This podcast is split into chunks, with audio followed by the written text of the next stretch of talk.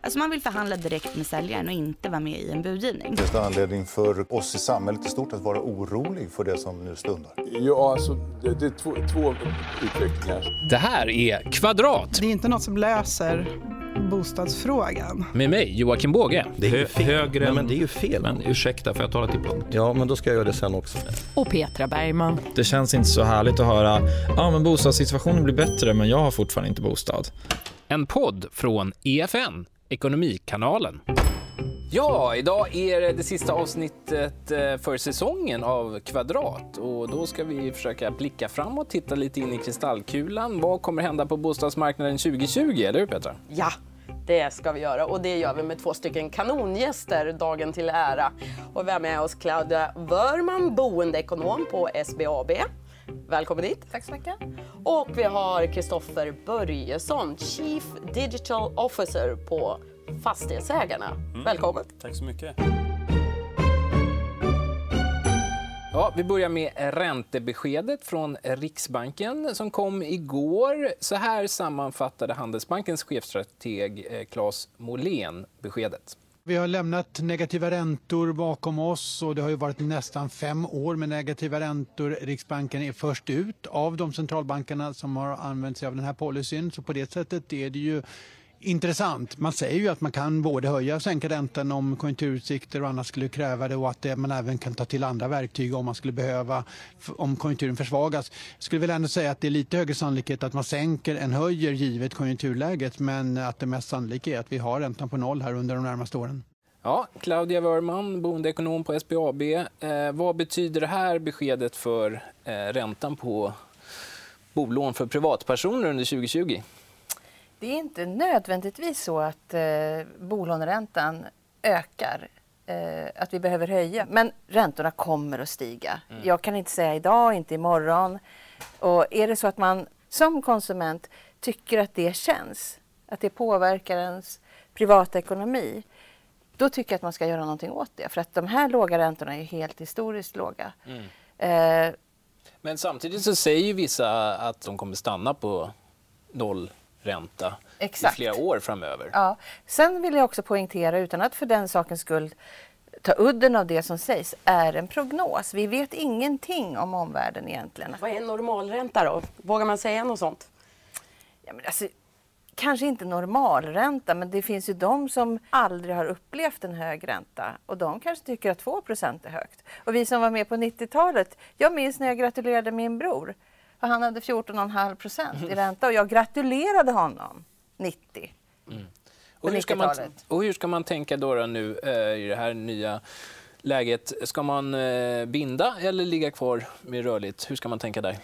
Det har ju varit, jag skulle säga runt 70 procent som under ganska lång tid, kanske ett och ett halvt år, valt tre månaders, det som vi kallar för rörligt. Men nu i november så hände det någonting. Så vi, det påbörjades redan i oktober där fler valde att binda upp till fyra år. Eh, så 57 procent i november valde kortast möjliga bindningstid.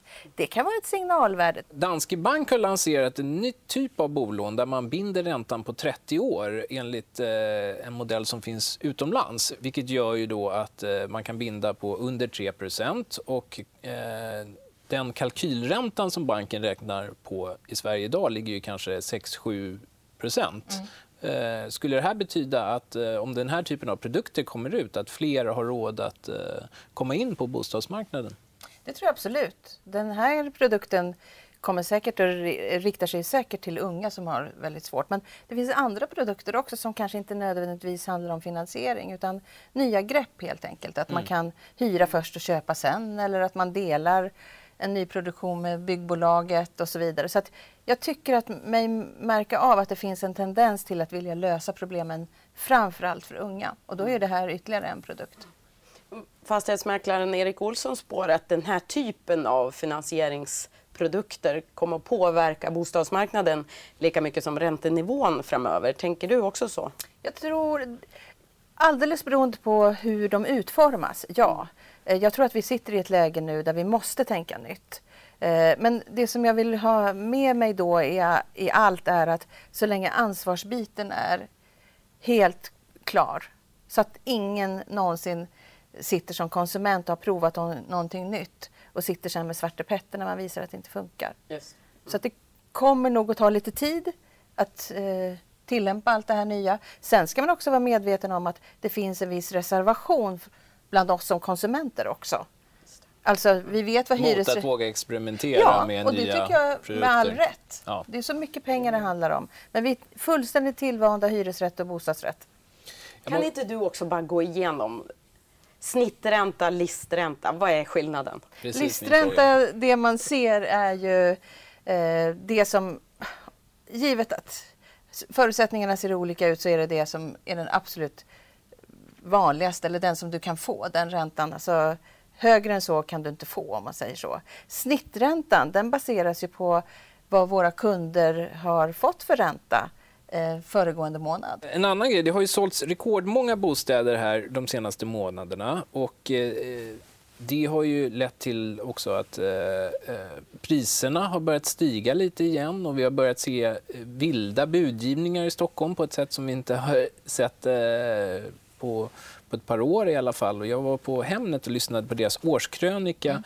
eh, i måndags. Mm. Och de tror jag på att det blir en stigande temperatur på bostadsmarknaden under 2020. Vad, hur ska man agera om man vill köpa eller sälja idag? Hur ska man tänka?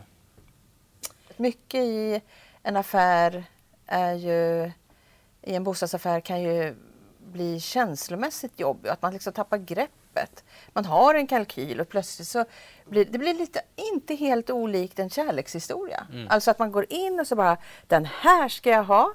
Och sen kommer någon annan och det blir konkurrens och man glömmer allt vad, vad, vad logik och rationalitet att göra. Men alltså det är ju du och jag som har en relation, kom igen. Men att inte göra det. Plocka fram kalkylmänniskan och håll dig till det. Ska vi bara ta några snabba eh, här, tips? Vad kan man göra innan årsskiftet om man börjar ha lite skralt i plånboken? Ja, just det. På boendeekonomisidan då. Jag tänkte till exempel en sak som Eh, kan man justera det här med ränteavdraget eh, så att man maximerar det om en person, i, eh, om man bor ihop och en person har en högre lön än den andra till exempel? Vad, hur ska man tänka då? Ja, men det kan man absolut göra. Det kan man göra när som helst. Eh, sen tycker jag också att man inför ett nytt år, man kan ju dividera det här, är det bra att börja och tänka på sin ekonomi nu? Ja, kanske för att man vänder blad 2020 är ju helt oskrivet. Man kanske går in i 2020 med helt nya rutiner. Och en sak är ju, jag tror att vi har levt i en lågräntemiljö så pass länge så att människor inte har en aning om exakt vad de har i ränta. Så det är ett bra sätt att skaffa sig koll. Ja, så där, då vänder vi oss till Kristoffer Börjesson på Fastighetsägarna. Hur skulle du sammanfatta fastighetsåret 2019? Jag tycker en sammanfattning är ju egentligen coworking-trenden som bara gick upp i våras och sen så dog den lite efter sommaren egentligen när WeWork skulle börsnoteras. I våras pratade man väldigt mycket om affärsmodellen, fastighetsbranschen hänger inte med, det är community, det är tech och det är global affärsmodell. Och sen så insåg man kanske att den där modellen kanske inte var den mest hållbara. Vad tror du kommer hända framöver 2020? Kommer jag tror att det här flexibla kontrakt kommer att vara en stor drivkraft. Att många företag frågar efter nya typer av mer flexibilitet. Och det handlar både om handelsplatser men också kontor och vi ser lite på bostadssidan också. Men om man, om man då vänder sig till bostadssidan, var det något speciellt där som har hänt under 2019 som har eh, men jag tycker det här experimentella nu att vi börjar titta på nya typer av boendeformer och det är kanske då kompistreor eller studentbostäder som blir någon typ av co-living-trend. Det såg vi väldigt mycket i Almedalen. Eh, jag kan inte säga att det är en explosion av det för jag tror att vi har räknat upp det till 800 lägenheter eller någonting. Men däremot så är det intressant att vi börjar testa och även att kommuner tillåter det för att utforska affärsmodellen. Mm. En... Tänker du att det kommer få fäste? Och jag tror inte det kommer få så stort fäste. Eh, jag, har, jag tror att vår målgrupp i Sverige behöver titta mer på att det är en målgruppsanpassad bostadsform för en viss typ av flexibilitet. Och jag tror att majoriteten av den modellen kommer nog handla om företagsbostäder som söker mer flexibilitet. Det är egentligen den mest dominanta marknaden både i Kina och USA just nu är det mot företag som egentligen behöver locka talang som man vänder sig till. Ja, du har varit i Kina här mm. Eh, på en studieresa. Vad, vad var ditt intryck av vad som hände händer där? Exakt. Mitt uppdrag var egentligen så här, jag, vill, jag håller på att utforska det här med shared spaces, det vill säga allting med coworking, co-living och även shared kitchen. Eh, och det som är intressant med Kina är att många av de bolagen som finns där gör oftast en pivot på sin affärsmodell tre gånger snabbare än man gör i, Kina, eller i USA och i mm. Europa. Så då kunde jag träffa och Vad största... betyder en pivot på deras affärsmodell? Egentligen att man gör en twist på affärsmodellen och går över eller förändrar sin affärsmodell. Kanske Just twistar det. om den. Eh, och tittar man på co-living-operatörerna där som var i alla fall de tre största träffar vi, de har ju egentligen gått över till ren att köp, köpa byggnaden, sälja ut det som kontor eller som hotell eh, och ha en helt annan modell. I början så tänkte de att det här ska vara community, det ska vara tjänster, det ska vara väldigt flexibelt och de insåg att den enklaste modellen är att driva det här som ett hotell. För det är ju en upplåtelseform som egentligen inte finns i Sverige idag. Alltså det, det som ligger någonstans emellan ett hotell där man inte bor mer än en vecka mm. och eh, en, en hyreslägenhet mm. eller ett andrahandsboende där man då kanske bor i sex månader. Eller någonting. Mm. Exakt, och jag tror att hotell börjar gå till long stay, short stay och någon typ av annan typ av boendeform. Och sen har vi bostadssektorn som börjar närma sig någon typ av flexibilitet. Men det gör man oftast med någon typ av operatör emellan. Och det är därför jag tror att den här modellen kommer vara lite halvutmanande i Sverige på grund av att vad efterfrågar vi som individer? Eh, hur kommer den ytan vara billigare än annan typ av eh, projekt? Det vill säga att om man bygger ändå mindre, bättre lägenheter väljer jag hellre det. Eh, och hur kommer man ta hand om den här community-grejen? Vilken målgrupp är det som faktiskt dras till det då? Sen finns det andra former av eh, Eh, som jag ser att man kan faktiskt dela på vissa funktioner. Och det såg jag på några koncept både i USA och i Kina där man egentligen delar på allmänna utrymmen mycket mer. Men du har din lägenhet. Det är en mindre lägenhet men vill du ha kompisar och ha en middag så finns det ett större kök. Vill du ha en filmkväll så finns det ett sån typ av yta. Då är det en annan typ av känsla. Du behöver inte ha så mycket community manager, du behöver inte ha så mycket personal som springer runt och administrerar ytan. Då. Men du, om vi ska prata om några av de här eh, trenderna och Proptech, vad är det egentligen? Proptech skulle jag säga är precis det som hänt eh, finansiella sektorn med att teknologi och teknologi teknologifokuserade bolag kommer in eh, och lite property technologies. Och eh, i Europa just nu så är det en väldigt stor explosion av såna typer av bolag. Eh, och det drivs egentligen av att, jag tror det var McKinsey som sa att fastighetsbranschen är minst digitaliserad och här finns ett stort behov av att effektivisera och förbättra, hitta nya typer av värden. Och fintech-marknaden är ju lite svår att gå in i nu. Där har ju Klarna och Izettle, de här bolagen, gjort ganska bra. Så nu är det liksom hur tar vi den andra delen av människornas plånbok, det vill säga boende och tjänster och hur effektiviserar vi egentligen den som äger tillgångarna? Då? Vi har ju annars sett en, en eh, tendens från att vilja äga saker till att få access till dem eller hyra. Eh, hur ser du på den här modellen applicerat på bostäder? Men jag tror att den är en väldigt springande del i många av tjänsterna som utvecklas kring bostaden. Alltså, du behöver inte äga dina verktyg mer som BRF, kanske som eh, gräsklippare. Det finns mycket delningstjänster i form av eh, bil och transport. Och vi ser ju även andra typer av att behöver du äga alltihopa, möbler och så vidare. Så att det liksom, Ikea kommer ju också med sådana här typer av subscription-modeller. Just det. Eh, och jag tror att en tendens som vi kommer se kanske inte lika starkt som vi ser i den yngre generationen i USA där man har gjort mätningar på 16 till 21-åringar och frågat om de vill belåna sig för att bo. Jag tror att det var 70 som sa att man inte vill göra det. Nej. Eh, och man vill heller inte skriva ett kontrakt längre än tre månader. Och jag läste en sån eh, undersökning i Sverige som i och för sig var sponsrad av bygg, ett byggbolag. Mm. Men då sa de ändå att liksom de flesta svenska ungdomar ville äga sitt boende om de kunde. Men det mm. tror jag också kanske är färgat av att vi har haft sån uppgång på marknaden så alla associerar mm. det med att man liksom kan tjäna pengar på sitt boende. Men nu mm. om vi går mot en liksom, eh, en situation där bostaden inte kommer stiga lika mycket i värde, hur, hur kommer det påverka? Jag tror att det är just det som du säger, att eh, är insatsen att äga någonting och kunna byta upp sig och få något annat eller sälja och köpa, det är insteget på, på bostadsmarknaden så kommer ju det vara alltid det man vill. Men finns det flexibilitet och finns det andra sätt att göra det så tror jag att det kommer öka. Och jag tror att vi kommer ha en generation som är yngre som kanske inte heller behöver vara helt fasta i Stockholm eller närområdet. Tittar vi på inflyttet idag i Stockholm utifrån så är ju inte det andra städer i Sverige som flyttar in till Stockholm. Och medelinkomsttagare och unga stockholmare eh, då flyttar egentligen ut från Stockholm. Man bosätter sig i Eskilstuna eller i närområdet för man kan tänka sig pendla in för att du köper livskvalitet en bit ifrån. Joakim, du har ju suttit och förnulat lite grann. Du har en liten spaning som du ville delge oss, eller hur? Ja, jag var ju på Hemnets årskrönika som jag nämnde tidigare och där bland annat så avslöjade de vilken som var den mest klickade bostaden på Hemnet 2019 och faktiskt den mest klickade bostaden någonsin på Hemnet. Vet ni vilken det var? Ja. Du vet? Ja, vilken var det? Det var graffiti lägenheten. Exakt. Mm. Det var ett renoveringsobjekt på Söder i Stockholm som var helt ostylat kan man ju säga. Det var klotter på väggarna och det såg riktigt sunkigt ut. Och den här hade nästan en halv miljon klick och slog därmed ut den tidigare eh, mest klickade objektet på Hemnet eh, som var från 2014. Vilken, vet ni vilken det var? Då? Var det... Du vet säkert om du tänker till.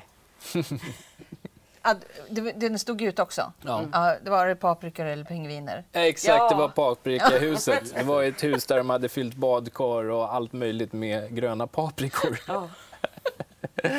ja, det funkade uppenbarligen, blev en social, sociala mediehit. Men, men där undrar jag också, mer, jag tittar på de här klickmonstren på Hemnet och brukar försöka fråga gästerna om vad, vad, om ni vill tolka det. Säger det någonting om vår samtid? Att uh, det här det ostylade, det nakna, det fula? Nej, jag tror, att... du tror inte det? Nej, jag tror inte det. Jag tror att man ska särskilja. Det är det som är nätet. Du kan gå in och bara förfasas över hur den här lägenheten såg ut. Det behöver inte vara att du sen rusar iväg och lägger ett bud, utan det är bara ett allmänintresse. Kristoffer, du som är Chief Digital Officer, eh, du tittar väl mycket på de här bostadssajterna och sånt. Är, är gemene svensk mera liksom, intresserad av att bostadssurfa, tror du? Eh, ja, det tror jag. Eh, jag tror att många har en ambition eh, att söka sig till ett bättre liv, om man säger så. Det är egentligen att jag tycker att sociala medier ibland är en drömvärldsbevakning, en, kanske en omvärldsbevakning. Och det är lite så här, vad äter folk på bra restauranger? Hur bor andra människor? För att se liksom, och nästan kanske drömma sig in i det livet lite. Mm. Så att jag tror att det här är en viral hit skulle jag säga. Liksom, hur någon kan marknadsföra ett objekt som egentligen folk blir intresserade av. Det behöver inte vara att det är det perfekta hemmet. Är bara lite unikt eller lite annorlunda.